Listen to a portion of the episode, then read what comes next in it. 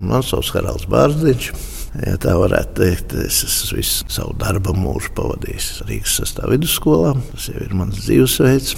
Iesāku kā otrā kursa students, tika uzaicināts skolā atjaunot pūtēju orķestra tradīcijas. Iesāku savu darbu gaitu 75. gadā. Vai tu zini, kā, lai sasniegtu tādu profesionālu līmeni, lai orķestrs varētu piedalīties dziesmu svētku kustībā un savā laikā iegūtu tautas pūtēju orķestra nosaukumu. Ir nepieciešams vismaz 10 līdz 15 gadiem.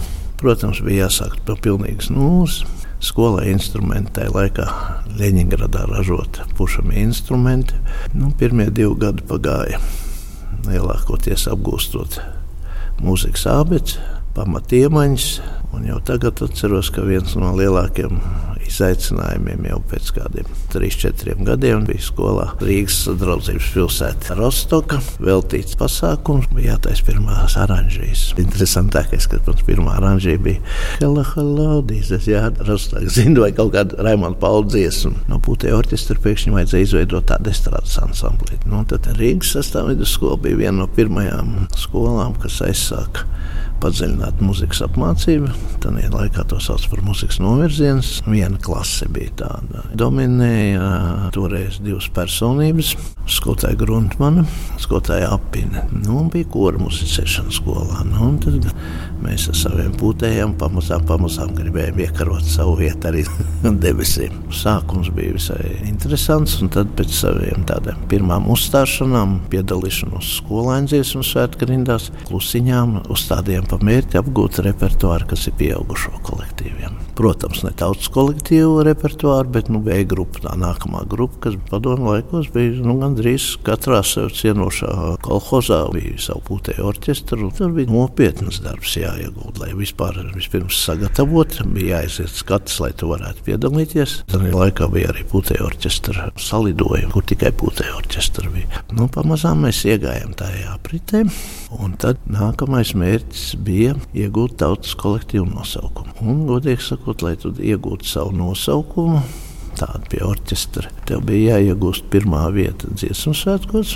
vai kāda no pirmām divām vietām būtu orķestra kopspēlē. Un trešā reize bija, kad mēs skolēnu dziesmu svētkos uz to mērķi gājām, un to mēs arī sasniedzām. No gada laikam iznāca jau kāda 13 gadi pagāja jā, kopš tā, bet tas ir intensīvs katru gadu darbs. Nu, nav jau noslēpums, ka skolā bezpārtraukti mainās. Ir kā gads beidzās, aiziet uz citām skolām. Ir īpaši tagad tas ir ļoti jūtams. Tad laikā kaut kā visi, ja tu mācījies sastāvā vidusskolā, tad arī vidusskolā tu mācījies. Tagad jau ir vidusskola, var teikt, ir atsevišķa republika ar citām mācību programmām. Arī pie mums pašlaik padziļinātā mūzikas apmācība ir līdz 9. klasē. Ir arī atsevišķas programmas, kas tagad ir atkal atjaunotas, kas aiziet arī vidusskolā. Bet tad mēs ieguvām šīs trīs uzvaras. Tad laikā tas bija liels, liels, liels, liels gods, kad tu dziesmu svētkos iegūta pirmo vietu, un toreiz bija tiešām tikai un vienīgi skolēni. Tur nebija nekāda pieaicinātie mākslinieki. Tas arī mums bija skolas eh, orķestra tādā statusā. Ja darām, tad darām pašu spēkiem. Cik no nu varam, tik arī izdarīsim. Un tad kā balvu, laikam 88. gadā tika uzaicināts kultūras ministrijā. Nu, tad mums piešķīra tautas kolektīvu nosaukumu, bet nu, kāds būs tas nosaukums? Bet tas bija atmodas laiks, vis, visīstākais. Par ausekli nu nevarat, nu tie bērni. Bet nu tad būs iet auseklītis. Nu jā, nu tā tāds smiedamies, par, lai tad iet auseklītis.